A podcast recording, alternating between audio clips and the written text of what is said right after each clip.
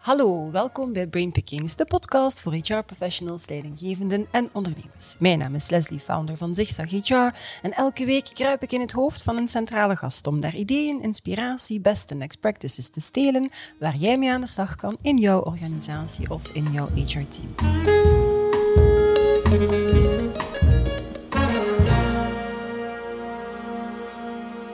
En ik mag vandaag in het hoofd kruipen van Steven van Raamdonk en Line Verkammen van Top Employer België. Steven is een regional manager Benelux of Belux liever en de Nordics en Line is er HR auditor. Top Employer is een certificeringsprogramma dat bedrijven helpt om de werkomgeving te beoordelen en te verbeteren. En op die manier verrijken ze de professionele wereld door de impact van HR-strategieën te versnellen. 1691 organisaties in 120 landen en regio's hebben ze ondertussen gecertificeerd. Dat is goed voor meer dan 7 miljoen medewerkers wereldwijd. Dat wil dus zeggen dat ze niet alleen op een berg informatie en data zitten als het gaat over HR-trends wereldwijd, maar ook dat ze een bijzonder goed zicht hebben op de best and next practices in HR. Dus het zal jullie niet verbazen dat ik bijzonder eager ben om in hun hoofden te kruipen. Welke trends zien zij aan belang winnen in België en wereldwijd? Welke praktijken schuiven zij naar voren als innoverend en vooruitstrevend? Waar zetten topemployers vooral op in en wat houdt dat eigenlijk in zo'n procedure? Om top-employer te worden. Mij lijkt het best veel werk. Ik kan me inbeelden dat medewerkers wel heel erg graag voor een top-employer willen werken. Ik ben dus heel benieuwd. Goedemiddag. Goedemiddag. Alles goed met jullie? Prima. Weekend staat voor de deur bij deze opname, dus kan alleen maar beter worden, denk ik dan. Absoluut. super. Um, we gaan erin vliegen. Hè? Ik, uh, ik heb jullie trendrapport uh, eh, 2021 doorgenomen en ik heb daar uiteraard bijzonder veel uitgehaald, maar ook een drietal grote thema's. Navigating the New World of Work, Dealing with Disruption en Reinventing the Role of HR. Dat laatste natuurlijk vind ik helemaal fantastisch en ik zou daar graag eventjes willen uh, op inzoomen uh, met jullie. HR speelt een, uh, een centrale rol in het managen van meerdere crisissen tegelijkertijd. En er is een gezondheidscrisis, er is een financiële crisis, een sociale crisis. Dus dat betekent dat als ze waarde willen toevoegen aan de organisatie en medewerkers, dat ze ja, toch een andere mindset, skillset en toolset zullen moeten inzetten HR professionals, zo las ik in het rapport, will need to go beyond functional excellence in 2021 and shift their mindsets from being business partners to being business makers. Ik vond dat fantastisch. Dus het valt mij wel op dat van HR verwacht wordt dat ze een, een, een meer actieve rol aan gaan opnemen, ook in employee communications. En dat het wenselijk is om meer marketingtechnieken te gaan toepassen. Kunnen jullie dat thema zo globaal hè, wat meer gaan toelichten en misschien een aantal van die nieuwe rollen in HR omschrijven? Kijk naar alle twee, wie gaat er ja, van ik ga, ik ga de spits afbijten, Leslie. Mm dus de grootste uitdaging van HR-leaders uh, eh, de dag van vandaag is om veerkrachtig en resultaatgericht uh, te blijven, mhm. maar anderzijds ook die ja, de ondersteuning te bieden voor de vele veranderingen die we vandaag de dag kennen. Uh, en uiteraard met de impact op de verandering van het welzijn van medewerkers. Ja. Dat is ook geen verrassing. Nee, En zoals je het al aanhaalde, heeft het Top Employers Instituut een aantal rollen uh, naar voren geschoven die zeer sterk aan belang gaan winnen in de toekomst. Um, een van die rollen is zoals u al zei, de shift van een HR business partner mm naar een HR, uh, naar een business value creator. Mm -hmm. En ja, uiteraard, u, haalt het zelf al aan. Hè. Marketing, hè, heel veel invloeden van marketing.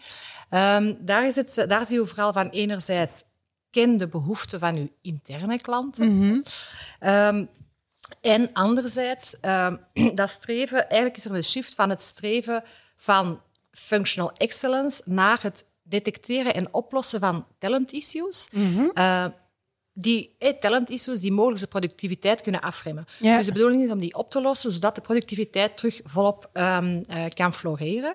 En HR heeft natuurlijk ook tegelijk de rol om uh, het welzijn van die medewerkers uh, te bewaken. Ja. Dat is een van die rollen. Natuurlijk, er zijn veel meer mhm. rollen die belangrijker worden voor HR. Een andere rol is um, ehm, HR als change agent. Ja. Um, en daar ja, verwachten we eigenlijk van de HR-professionals dat, hun, hun, dat ze hun EQ nog verder ontwikkelen. En als we gaan echt gaan kijken naar, oké, hoe kan HR die change ondersteunen in al die transformaties binnen de bedrijven, is natuurlijk belangrijk om uh, vroegtijdig te communiceren naar medewerkers. Mm -hmm. De ja, de, echt de, filosofie van waarom uh, zetten we die, deze verandering in, dat ze zo goed begrijpen waarom dat het gebeurt. En dan dat ze samen met HR en de leidinggevende ook gaan kijken, wat betekent dat nu concreet voor mij? Ja. ja? Natuurlijk ondersteuning van medewerkers, maar even ondersteuning van managers, door bijvoorbeeld een change toolbox. Dat is ook zo een van die zaken die we meer en meer uh, naar voren zien, zien opkomen. Um, dus Edge, change manager, is zeker een van de belangrijke rollen. Er zijn nog veel andere rollen, mhm. maar ik, ik, heb een selectie gemaakt. Ja, ik zou kunnen blijven vertellen, mhm. zoals u al zei. Ze moeten het rapport ook zelf lezen. Dan Ze kunnen het rapport absoluut zelf lezen en mhm. downloaden op de website. Kan absoluut. Gaan we zeker een linkje, denk ik, meesturen, dat mensen er makkelijk aan kunnen. Dat is een goed idee, Leslie. Super. um, een andere rol is bijvoorbeeld de talent curator, die mhm. creativiteit uh, aan de dag moet leggen om meer diverse talentpools eh, te aan te spreken en om die candidate experience naar een hoger niveau te tillen. Candidate experience, customer experience, komt ook weer van de marketing. En het idee is eigenlijk dat de beleving van het doorlopen van een selectieproces veel meer zegt over een bedrijf dan wat je met je employer branding wil eh, communiceren. Ja. Mhm. um, en door het selectieproces enerzijds te versnellen en anderzijds, door geavanceerde technologie in te zetten, kun je uw beleving van de kandidaten verhogen. Nu, dat zijn zaken die we dan die als, als HR zelf uitvinden. Maar wat is nog krachtiger, is dat je de kandidaten zelf bevraagt. Hoe mhm. heb je nu dat selectieproces ervaren? En daar komt ook heel waardevolle informatie uit, om dan opnieuw hè, die beleving te optimaliseren. Ja, oké. nou, en dus de top-employers doen dat toen ik effectief. Die gaan die kandidaten ook Wel, eh, natuurlijk. Het is, wij hebben, in de best, HR Best Practice Survey zijn 400 vragen. Mm Doen alle top-employers alles? Ja. Nee. Hè? Maar dat zijn de zaken die we naar voren schuiven. Ehm, en, en een groot deel... Uh, dat is bijvoorbeeld het vragen van feedback. Daar zien we ook wel een stijging van, ah ja, oké, dat is toch waardevol. Hoe kunnen we dat mm. doen op, op, een, ja, op een zeer efficiënte manier? Mhm. En daar halen we toch zaken uit die wij zelf als HR daarom niet zo ervaren. Oké, oké. Ehm, nu, in België zijn er denk ik 73, uh, als ik het uh, nagekeken heb, uh, top employers. En ja, ze pakken daar echt wel mee uit. Op het moment dat ze certificaat hebben, LinkedIn, je, je kunt het niet niet gezien hebben. Ehm, het is ook echt een erkenning waarmee dat bedrijven talent willen overtuigen om bij hen te komen werken. Uh, want een keer dat je dat label hebt, ja, dan kan je er eigenlijk als werknemer kan je er wel van uitgaan dat daar toch een strategisch degelijk HR-beleid is. Welk, welk voordeel heeft een top-employer of wat is de toegevoegde waarde van, van zo'n certificering volgens jullie ten aanzien van een bedrijf dat nog geen top-employer is? Ja. ja, een terechte vraag, denk ik. Uh, ook eentje die je niet in 1, 2, 3 kan beantwoorden. Uh, ik zou zeggen, heel wat bedrijven zeggen dat ze hun mensen centraal zetten. Mm Heel wat bedrijven zetten ook effectief hun mensen centraal, maar er is maar een minderheid die er ook mee bezig is om dat naar buiten te brengen, om dat extern te maken. En dat is eigenlijk precies de bedoeling van zo'n keurmerk. Mm Als je zo'n keurmerk behaalt, zeg je eigenlijk aan de buitenwereld, maar ook naar intern toe, van kijk, wij zijn goed bezig op het mhm. gebied van HR. Daar zit voor een stuk uh, die toegevoegde waarde. Um, anderzijds kun je zeggen, de lat in het onderzoek ligt vrij hoog. ja, om de certificering te behalen moet je echt wel een, een hoge mate van maturiteit hebben. Mhm. Dus door het behalen van het keurmerk geef je ook aan aan de buitenwereld, kijk, wij, wij zijn niet alleen goed bezig, maar wij streven ook naar de beste, de beste manieren van HR eh, te bedrijven voor onze mensen. Dus dat is zeker ook een element. Um, eigenlijk, jouw vraag vraagt naar wat is de toegevoegde waarde van, van deelname aan het, uh, aan het certificeringsprogramma. Dat hangt een beetje van, af van bedrijf tot bedrijf. Elk probeert er zijn uh, toegevoegde waarde uit te halen. Wat wij vaak horen uh, bij onze deelnemers is dat het hen makkelijker meer en betere kandidaten oplevert, dus mhm. betere cv's. Er zijn bedrijven die intussen voor de tiende, twaalfde tot zestiende keer achtereenvolgens ja. meedoen. Wij zijn sympathieke mensen, maar ze doen dat natuurlijk niet voor ons. Voor jullie. nee, uh, ze doen dat omdat ze ook effectief mm. een return on investment zien, een return op, op, uh, op die cv's en dergelijke. We hebben daar echt wel een paar mooie voorbeelden van. Een van onze banken in het programma bijvoorbeeld, die wilde een tijd geleden uitstappen. Maar ze wilden toch nog even het een kans geven. Ja. En dan hebben ze gedurende een half jaar geturfd hoeveel kandidaten verwezen naar het keurmerk. Mhm. En na een half jaar hebben ze dan hun nieuw contract getekend. Nou, Dus knap. That, Ja. says it Ja. all. Een van onze Brusselse top-employers ehm, moest zijn contract ook hernieuwen. En toen ik binnenstapte, zei hij, ja, Steven, mijn balpen is al klaar Klaar. voor te tekenen. Ja. Want sinds dat we meedoen, hebben wij nog nauwelijks kosten voor ehm, headhunters Om onze managersposities Ja. ingevuld te krijgen. Omdat we zoveel spontane aanmeldingen krijgen. Ja. Het zit hem dus in die hoek, employer branding, maar uiteraard ook in, in de benchmark, het, het verbeteren van je. HR. De inspiratie is in die zin dubbel. Eh, de survey invullen levert al voor een stuk Mhm. inspiratie op.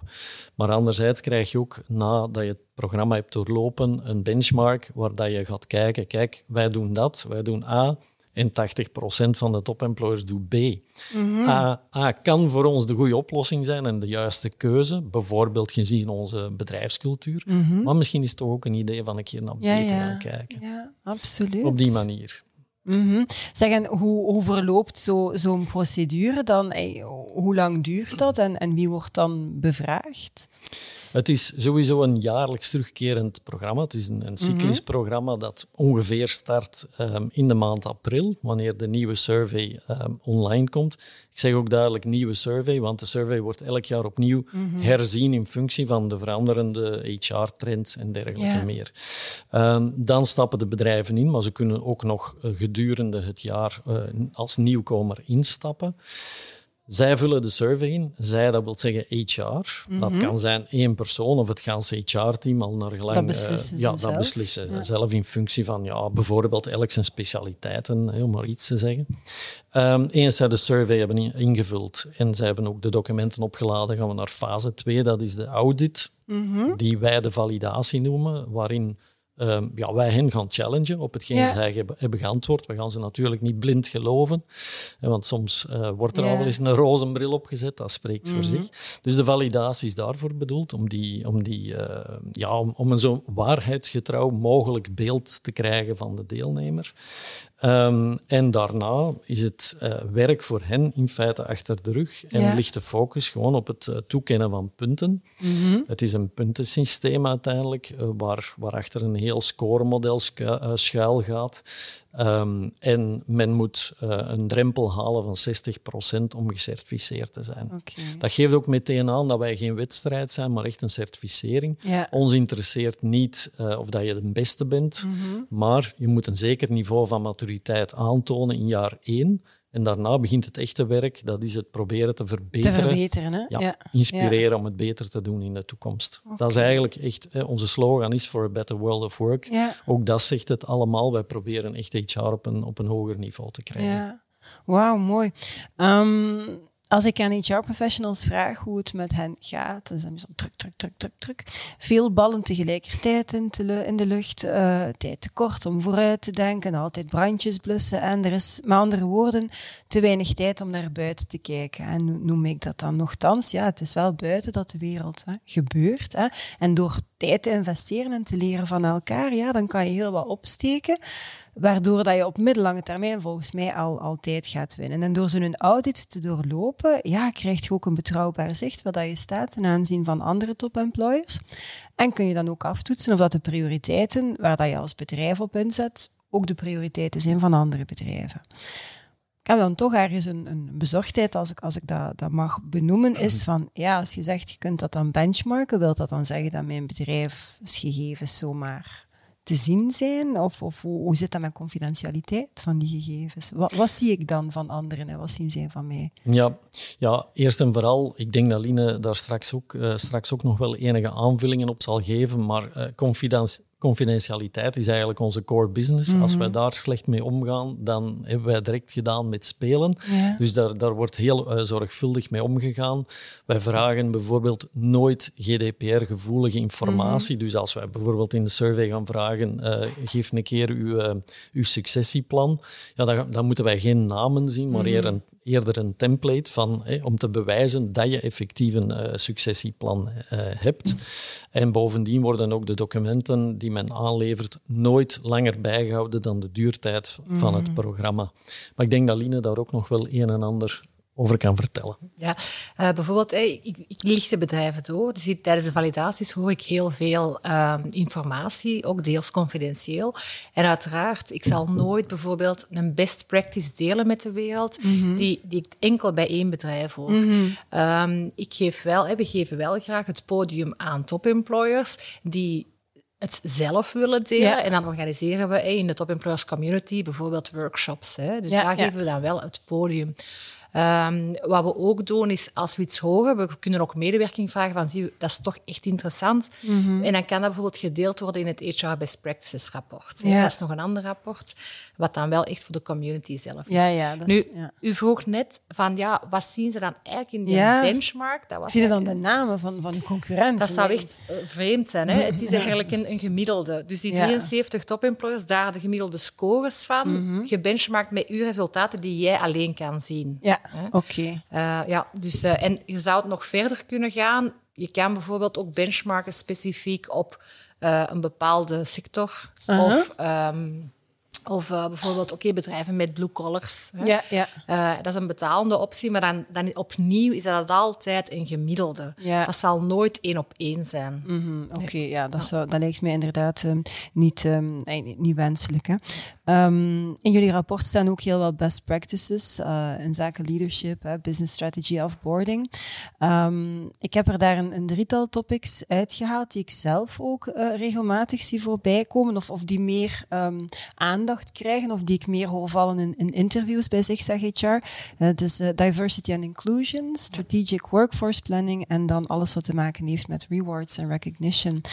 Kan je daar ja, een aantal bevindingen delen, ik ja. zal het zo benoemen? Ja, zeker. Diversity and inclusion, mm -hmm. dat is, heeft, uh, de, het is ook niet verbazend, verbazingwekkend dat dat zoveel aan, dat dat een mm -hmm. hot topic is. Hè, met ja, met, met de wereldwijde sociale beweging van bijvoorbeeld eh, Black Lives Matters. Ja. Maar vijf jaar geleden in validaties hoorde ik eigenlijk zelden dat dat dat DNA echt een strategische prioriteit is. Mm -hmm. En ondertussen, ik ben de cijfers gaan opzoeken, zegt 90% van de topemployers geeft dat aan dat dat toch een prioriteit is. Dus ja. die is echt op vijf jaar tijd enorm gestegen.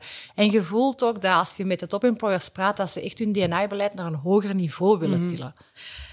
Um, ik ben eh, naar aanleiding van deze podcast ook specifiek in de cijfers gedoken rond uh, DNI. Wat we zien is dat er een verschuiving is naar de focus op die inclusie. Ja. Het erbij horen, zorgen dat iedereen erbij hoort. Um, en de top-employers in België hinken nog wel wat achterop Ja, als we ja. gaan vergelijken naar de rest van de wereld. ja. Zelfs met, even scoregewijs, is er een verschil van 6%. Dus er is nog wel wat werk aan de winkel. Maar je voelt dat de echt wel de, de zin om erop te werken is enorm. Ehm, en bijvoorbeeld een van de practices is, hè, managers worden getraind om als rolmodel te fungeren en anderen te inspireren om individuele verantwoordelijkheid te nemen in de initiatieven rond DNI. Hè. En daar zegt 60% van de Belgische topemployers van ja, hè, wij trainen onze managers daarin, maar 72% rest, in de rest van de wereld. Uh, waar is nog ruimte voor verbetering? Dat uh, medewerkers betrokken worden. Hè, Ah, die medewerkersbetrokkenheid, hè, om die cultuur van DNI nog meer vorm te geven. Te laten leven eigenlijk. ja. En ook voelen. Wat Ja. hebben medewerkers nu net nodig? Hoe voelen ze dat ze zich erbij horen? Ja, ja. En ik heb daar ook geen passend antwoord op, maar dat is een heel groot vraagstuk, waar dat wel interessant is om over te filosoferen. En daar is zelfs een gap van 20 procent. In België in vergelijking met de rest van de wereld. ja. Dus dat is, er is echt nog wel wat werk. Ja. België is niet op alles slecht in die Uh-huh. Wat er dan bijvoorbeeld enorm naar voren springt, dat is eh, initiatieven ehm, rond het leeftijdsbewust personeelsbeleid. Heeft natuurlijk ook met onze wetgeving te Mhm. Ja. maken. Eh, maar daar 74% in België versus 41% in de rest van de wereld. Wow. Dus Ja. dat is dan ineens weer Ja. eenmaal anders. Dus daar, daar kan België... eh, of, eh, daar, Daar kan de rest van de wereld leren. Ja. van leren. voilà. ja, ja, ja. Dus, ehm, eh, dus ja, het- het- ja, ik vind vooral hier de benchmark ten opzichte van de rest van de wereld wel heel interessant. En ja, de drang om erop te werken is enorm. Dus we zijn ook aan het kijken hoe kunnen we onze Belgische top-employers toch nog meer samenzetten om er rond te werken. Ja, en uit te wisselen. Dus dat is, dat is de diversity and inclusion. Um, als het gaat over strategic workforce planning, heb je daar... Uh... Het is dat het eerste woord dat altijd bij mij oppopt als we over strategic workforce planning spreken, is uh, competenties. Want mhm. heel vaak is het een, een budget- en FTE-oefening. Uh, meer en meer komen die competenties naar voren een van de practices dat we vragen is, oké, okay, um, maakt uw bedrijf een, een gap-analyse mhm. tussen de huidige en de toekomstige mhm. competenties. om te kijken, oké, waar zijn onze ja, gaten, waar zijn onze leegtes? Um, en er zijn eigenlijk twee manieren waarop dat de top-employers dat doen. Ofwel gaan ze echt eh, op basis van de competentiematrix um, per functie of functiefamilie de gaps analyseren. Ofwel zijn ze heel pragmatisch en zeggen ze van, zie, dat zijn bijvoorbeeld de zeven of de tien key toekomstige skills. Mhm. En dan gaan ze meten, oké, hoe zou u zelf inschatten? Hoe schat uw manager u in? En wat is dan de gap? Ja. Um, dus, dus dat vind ik wel interessant, dat er ook verschillende manieren zijn om daarmee om te gaan. Mhm. ja. Oké, dat is de strategic workforce planning. Dan de, de derde die ik er een stukje uh, uitgehaald had, rewards and recognition. Ja, um, daar haalde, ja, u sprak daar in het begin ook in het trendsrapport van communicatie. Mhm. We zien dat daar HR een belangrijke rol speelt in het, de manier van communiceren. Vroeger was ja, comp en ben nogal een droge materie. Mhm. De kunst is om je tone of voice, om de manier waarop je communiceert, zeer medewerkersgericht te maken. Maar nog verder, hè, goed nadenken welke kanalen gebruiken we daarvoor. Mhm. Heel vaak wordt er gemaild, hè, maar er zijn bedrijven, bij Blue Collars bijvoorbeeld, die filmpjes maken mhm. om het op een, ja, op een andere manier, op een andere manier naar voren mhm. te schuiven. Uh, dus de tone of voice, uw kanalen. Um, en ook um, the moments that matter. de vraag is, moeten we telkens naar iedereen communiceren? Of kunnen we meer gericht, als iemand bijvoorbeeld promotie maakt, mm dan een bepaalde benefits naar voren schuiven, als bijvoorbeeld als iemand een kindje krijgt, ja. om dan meer, ja, the moments that matter. Ja, om daar meer te gaan op inspelen, voilà. uh, hoor ik jou zeggen. Maar ik vind inderdaad uh, goed dat je effectief die communicatie ook benoemt, want in een van de andere podcasts waarin dat ging, het was toen over pensioenplannen, daar werd eigenlijk ook aangegeven, dat is een heel belangrijke pijler, uh, fiscaal en parafiscaal zeer interessant voor werkgever en werknemer. Maar wat blijkt, dat heel veel werknemers zich niet eens bewust zijn van het feit dat dat één zo fiscaal interessant is. Twee, dat ze niet weten wat dat, dat concreet betekent en wat dat dan, gaat opleveren binnen al die jaren. Dus het, het feit dat men daar ofwel niet over communiceert of te droog of, of niet via de juiste kanalen, maakt dat eigenlijk heel vaak medewerkers dat niet als dusdanig herkennen en dus kansen laten liggen om zich als zeer aantrekkelijke werkgever te positioneren naar hun huidige werknemers. Helemaal mee ja. Dus die heldere communicatie. En Leslie, bij de voorbereiding dacht ik van, mag ik u ook een vraag stellen? Oh die hebben we nog niet gehad. ik ga u een, een, een, gewoon om te raden. Hè. Uh-huh. Oh nee. Uh, cafetaria-plan, flex-inkomplan. We kennen het allemaal. We denken dat heel veel bedrijven het hebben. Ja. Schat nu eens in hoeveel van de 73 Belgische topemployers een uitgebreid cafetaria-plan hebben. Ik mag hopen 60. Ja, ja ik, ah, wel, ik ben niet verrast door uw antwoord, maar u gaat wel verrast zijn door mijn antwoord. Uh, we zien dat 38% van dus de crème de la crème bedrijven een uitgewerkt cafetaria-plan hebben. Met andere woorden, het is helemaal niet evident om dat te hebben. Um, wow, en de perceptie op de arbeidsmarkt is wel dat, al, dat iedereen dat, dat heeft. Ja, ja. Dus dat vind ik heel boeiende cijfers. Mai, ja, ja, vind ik inderdaad wel. Ik schrik daar toch wel van. Um, ja, dan liggen er nog, dan, dan, dan noem ik dan, of dat nu het laaghangend fruit genoemd mag worden, maar dat is toch iets waar je enorm kunt, kunt op inzetten, want ja, uit heel veel rapporten blijkt ook, het is niet zozeer het basisloon dat, dat belangrijk is, maar het ganse pakket en hoe aantrekkelijk dat pakket is en hoe flexibel dat pakket is, dat toch wel een... Nu, daar spreek ik echt van een heel uitgebreid pakket, hè, want ja, dan ja. iedereen derde, zal wel ergens... Ja, voilà, een derde geeft dat ook aan van, oké, wij kunnen wel inzetten op mobiliteit. Maar echt een uitwerk cafetaria-plan, uh, hoor ik jou zeggen, is nog wel oké. Okay. Goed, ja, ontnuchterend een stukje. um, uit de survey dan van 2021 eh, sprongen er ook een, een, drietal grote thema's uit, versterkt door de impact hè, van de pandemie, transparantie en inclusie. Versnelde digitalisering ja, en welzijn, dat is een logische. Kunnen jullie dat misschien wat concreter maken? Op welke manier zetten top-employers in als het gaat over transparantie en inclusie? Uh Daar zijn eigenlijk, eh, we zijn eigenlijk gaan kijken wereldwijd welke practices winnen nu echt heel veel aan belang. En voor inclusie hebben we eigenlijk net gezegd van de rol van de manager, om, om, om enerzijds getraind te worden op inclusief gedrag en anderzijds ook geëvalueerd te worden mhm. daarop. En als we gaan kijken naar transparantie, uh, dat is ook een van zo de stokpaardjes van Steven. Hè. Mhm. Transparantie is echt, allee, zit ook verweven in heel, in heel, heel de survey. Maar transparantie bijvoorbeeld rond doelstellingen. Iedereen heeft eh, individueel doelstellingen, maar het is ook interessant om dat kenbaar te maken in het team aan uw teammembers. Zeker als je met diverse functies zit, om net die teamwerking uh, te verstevigen. En anderzijds, een, een andere practice is, dat is nogal advanced zal ik zeggen, leidinggevenden die hun persoonlijke ontwikkelingsdoelstellingen delen met het team. Dus het gaat er niet om mhm. businessdoelstellingen, ja. maar echt om persoonlijke doelstellingen met, met ook de boodschap van ook ik als manager, ik blijf mij ontwikkelen. Mhm. hè, en ik deel dat met jullie als voorbeeld, maar ik stel mij ook kwetsbaar op. En die kwetsbaarheid, dat is ook wel iets dat we gezien hebben doorheen COVID. Ja. ook een manager zit met kinderen of, met een, of alleen. En, en, of weet het ook gewoon. En heeft het ook moeilijk in, in, die situatie. Of ja. is ook allemaal nieuw. Dus, dus, dus die kwetsbaarheid, ook op dit vlak, ja, zien we toch wel meer en meer naar boven komen. Aha, oké. Ehm, als je dan kijkt naar het, uh, het ganse spectrum van de employee journey, waar zie je dan de meeste toepassingen in digitalisering? Zit dat dan eerder in het aantrekken, eerder in het ontwikkelen of eerder in het uh, engageren, in het engagen van de medewerkers? Mm.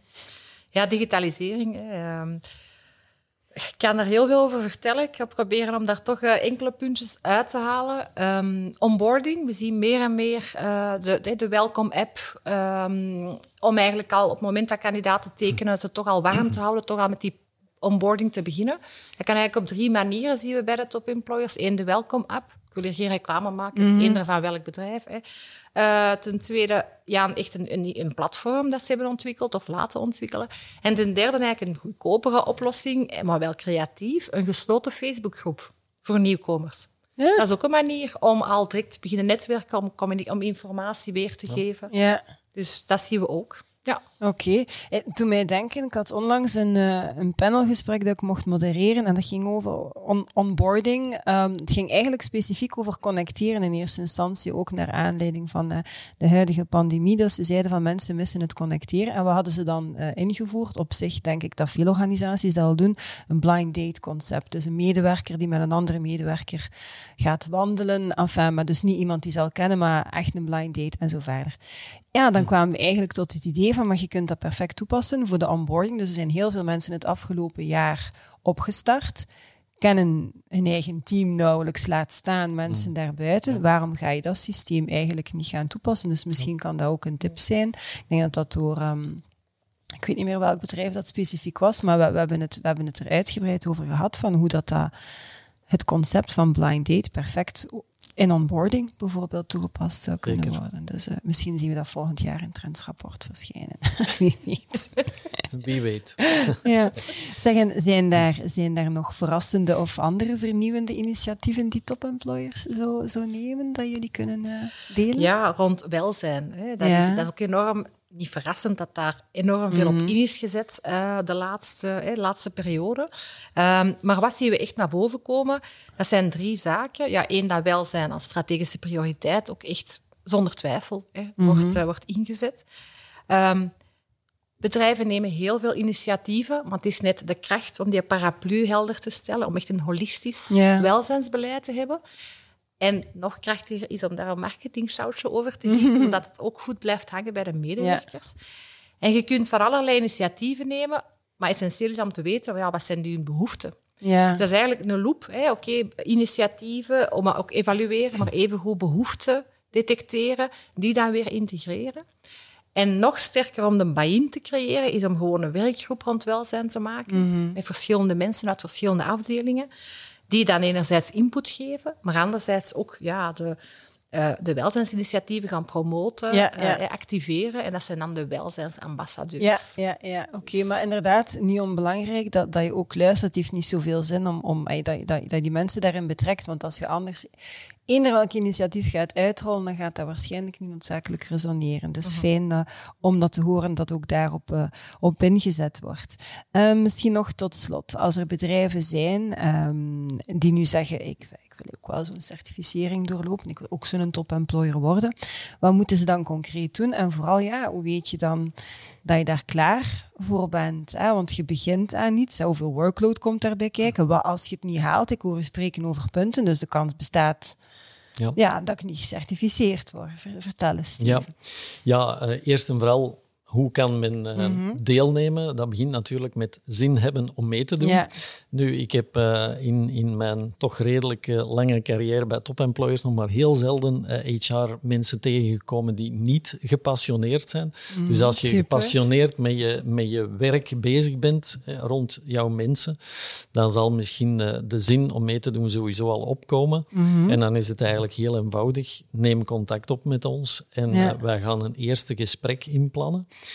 Uh, dat is meteen ook een bruggetje naar jouw tweede vraag van hoe mhm. weet ik dat ik er klaar voor ben.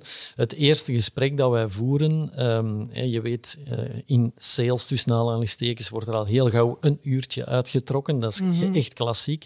Wij doen dat niet, wij trekken anderhalf uur uit. Waarom? Mm Omdat we ook heel graag vernemen hoe het aan de andere kant van de tafel eraan toe gaat. Dus we gaan echt wel uh, wat dieper in op uh, hoe is hun HR georganiseerd, waar zijn zij mee bezig, wat zijn hun challenges. Um, ja, dat soort zaken die komen aan bod.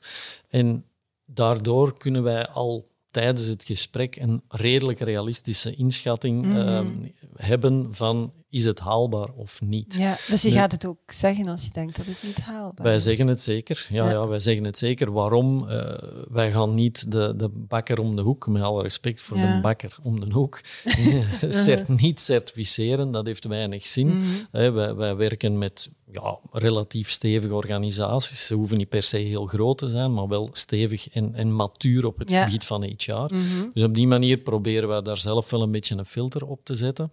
Dus het gesprek dat ik meestal voer met hen geeft al een eerste mhm. indicatie. Um, is dat niet voldoende, wat, wat ook wel eens gebeurt, ik bedoel, in zo'n gesprek komen een paar dingen voorbij, maar ook mhm. niet alles, dan bieden wij soms uh, wat dat wij een pre-screen uh, noemen aan.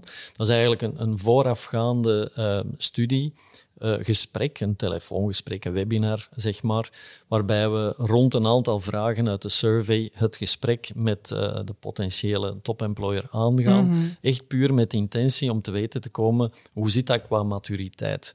Nu, zoals ik eerder al zei, het is niet van belang dat je geweldig goed bent in mm -hmm. alles, want dan heb je topemployers waarschijnlijk niet echt meer mm -hmm. nodig. Dan stroomt dat talent al vanzelf binnen. Exactly. dus het is echt wel, het idee is um, te weten te komen, oké, okay, je hebt een zekere maturiteit, mm -hmm. maar er is ook nog progressiemarge. Ja. Dat zijn voor ons eigenlijk de ideale kandidaten om in het programma in ja. te stappen. En dat kan gebeuren via die pre-screen. Handig om weten, wij bieden de pre-screen uh, zonder engagement en gratis aan okay. aan bedrijven die echt zin hebben om daarna het uh, traject uh, in gang te zetten. Dus dat is... Um, zo werkt het eigenlijk. Ja. En op die manier kan men dus ook uh, met ons uh, contact opnemen. Ja. Op dit ogenblik is het nog mogelijk om in te stappen um, in het programma dat zal leiden tot certificering in 2022. Mm -hmm. um, en tot wanneer? Tot wanneer, ja, moeilijk om daar echt een exacte datum op te kleven, maar laten we zeggen, einde van de zomer mm -hmm. is toch wel um, een, uh, ten laatste het moment om jouw beslissing te nemen. Als je heel gemotiveerd bent, wat soms het is al gebeurd ja, in het verleden, ja. kan je nog later gaan. Mm -hmm. We hebben ooit een van onze deelnemers gehad die het eerste contact zocht uh, eind september en die hebben de hele oefening nog afgerond wow. voor ja. eind oktober. Dus het kan mits motivatie, zou ik zeggen. Je zegt ook de hele oefening, hè, want er komt dus wel wat, wat workload bij kijken. Nu, ik kan me dan inbeelden, dat is, dat, is, dat is niet workload van ik moet, dat, ik moet mijn huiswerk maken om dan ergens in een kast te steken. Het is, het is echt wel een waardevolle oefening voor, voor hen zelf, lijkt mij. Ja, wat, wat we heel ja. vaak horen, dat is achteraf, hè, als ze de oefening mm -hmm. hebben volbracht, van ja, het was echt confronterend om in kaart mm -hmm. te brengen waar dat we allemaal mee bezig zijn, ook om onze lacunes uh, vrij ja. snel te ontdekken. Het is zeker geen flutcertificaat certificaat. Het is mhm. niet een gekocht label, want dat horen we ook nog altijd wel eens mhm. vertellen. Je moet er echt wel voor werken. Anderzijds, um, de workload is altijd doenbaar, omdat wat we screenen is het HR-beleid. Zo is er maar eentje in principe. Dus je moet je niet amuseren met dan iedereen een survey te bezorgen. Het gaat om één survey waar dat we alle policies van HR in willen te weten komen. En die worden geaudit. Dus zelfs in drukke tijden met heel veel prioriteiten kan top-employer er altijd bijgenomen worden. Dat blijkt echt in de praktijk. Ja, en wat ik ook hoor van, van nieuwkomers, van mhm. nieuwe deelnemers. Oké, je kan zien wat kan ik eventueel nog verbeteren, maar ook wauw, we hebben eigenlijk al wel veel. Ja, En dan zitten ze zo helemaal glunderen. Ja. En een, een, andere beleving is ook, bijvoorbeeld van een nieuwe HRD, het is een heel interessante meting, hè? een nulmeting bij de start en dan elk jaar progressie. Dat zijn ook zaken, ik heb dat niet uitgevonden. Ik hoor dat ook van de deelnemers. En dat is ja, super omhoog. Ja, en ik kan me beelden dat er ook een beetje competitie met jezelf ontstaat. Van, je wilt natuurlijk altijd beter. En als er een bepaalde strategische prioriteit is dat je wilt op inzetten en je groeit daar niet goed genoeg. als ik kijk naar mezelf, ik zou daar echt eh, ik zou daar competitief met mezelf voor zijn. Van, hey, we moeten hier, we moeten hier in groeien. Misschien ook, maar wat als je het niet haalt, je spreekt van een punt, wat, wat, gebeurt er dan? Ja, ja, zoals gezegd, wat we proberen te doen is eigenlijk voorafgaand aan de oefening een goede indicatie te geven van ja, hoe, zit dat met de haalbaarheid? Um, soms is men daar zelfs door gechoqueerd als wij zeggen van kijk, sorry, het gaat niet lukken. Dit, oh, dat binnenkomt. Ja, ja voilà. Mm, mm. Maar anderzijds, eens dat de eerste shock voorbij is, beseft men ook wel, ah ja, oké. Dus men is daar wel eerlijk over en transparant om dat te communiceren. En meestal, ik ken geen HR-organisaties die niet gedreven zijn om zichzelf te mhm. verbeteren. Die gaan dan het jaar daarop, of twee of drie jaar. We hebben extreme gevallen dat tot vijf jaar later bedrijven dan toch effectief op die manier binnenstappen en zeggen, nu zijn we klaar. en dat blijkt, dan, uh, dat blijkt dan. Als men het toch meedoet en men haalt het niet, hè, want mhm. het kan een keuze zijn om mee te doen om bijvoorbeeld te weten te komen waar sta ik als organisatie, waar moet ik aan verbeteren, wat moeten mijn prioriteiten zijn het blijft altijd nuttig.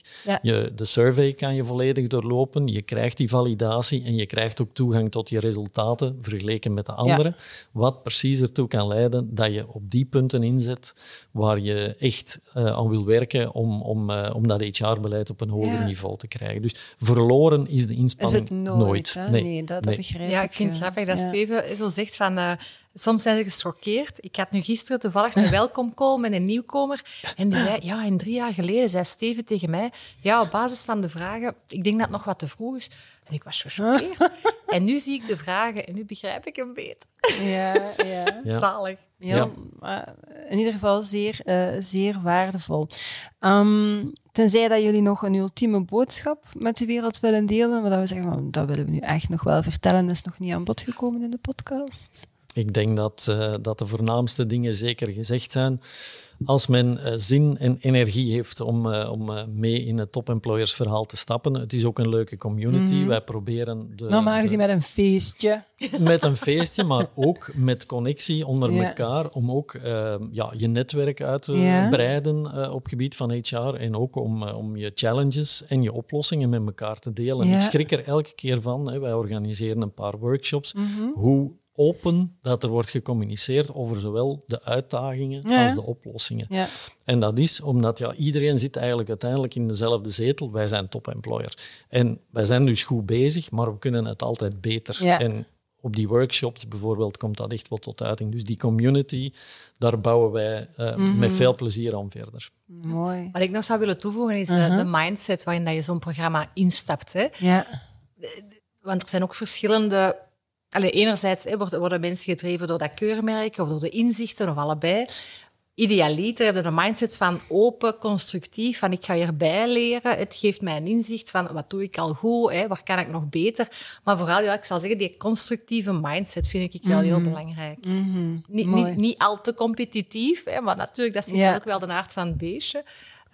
Maar ja, de open mindset. Ja, Onder, onder mensen, maar competitief voor alle duidelijkheid bedoel ik vooral naar zichzelf. Het, het, is van als je alleen maar gaat meten met anderen, dan gaat er volgens mij altijd doodongelukkig zijn, want er gaan er altijd zijn die beter zijn. Zo is het. Ja, oké.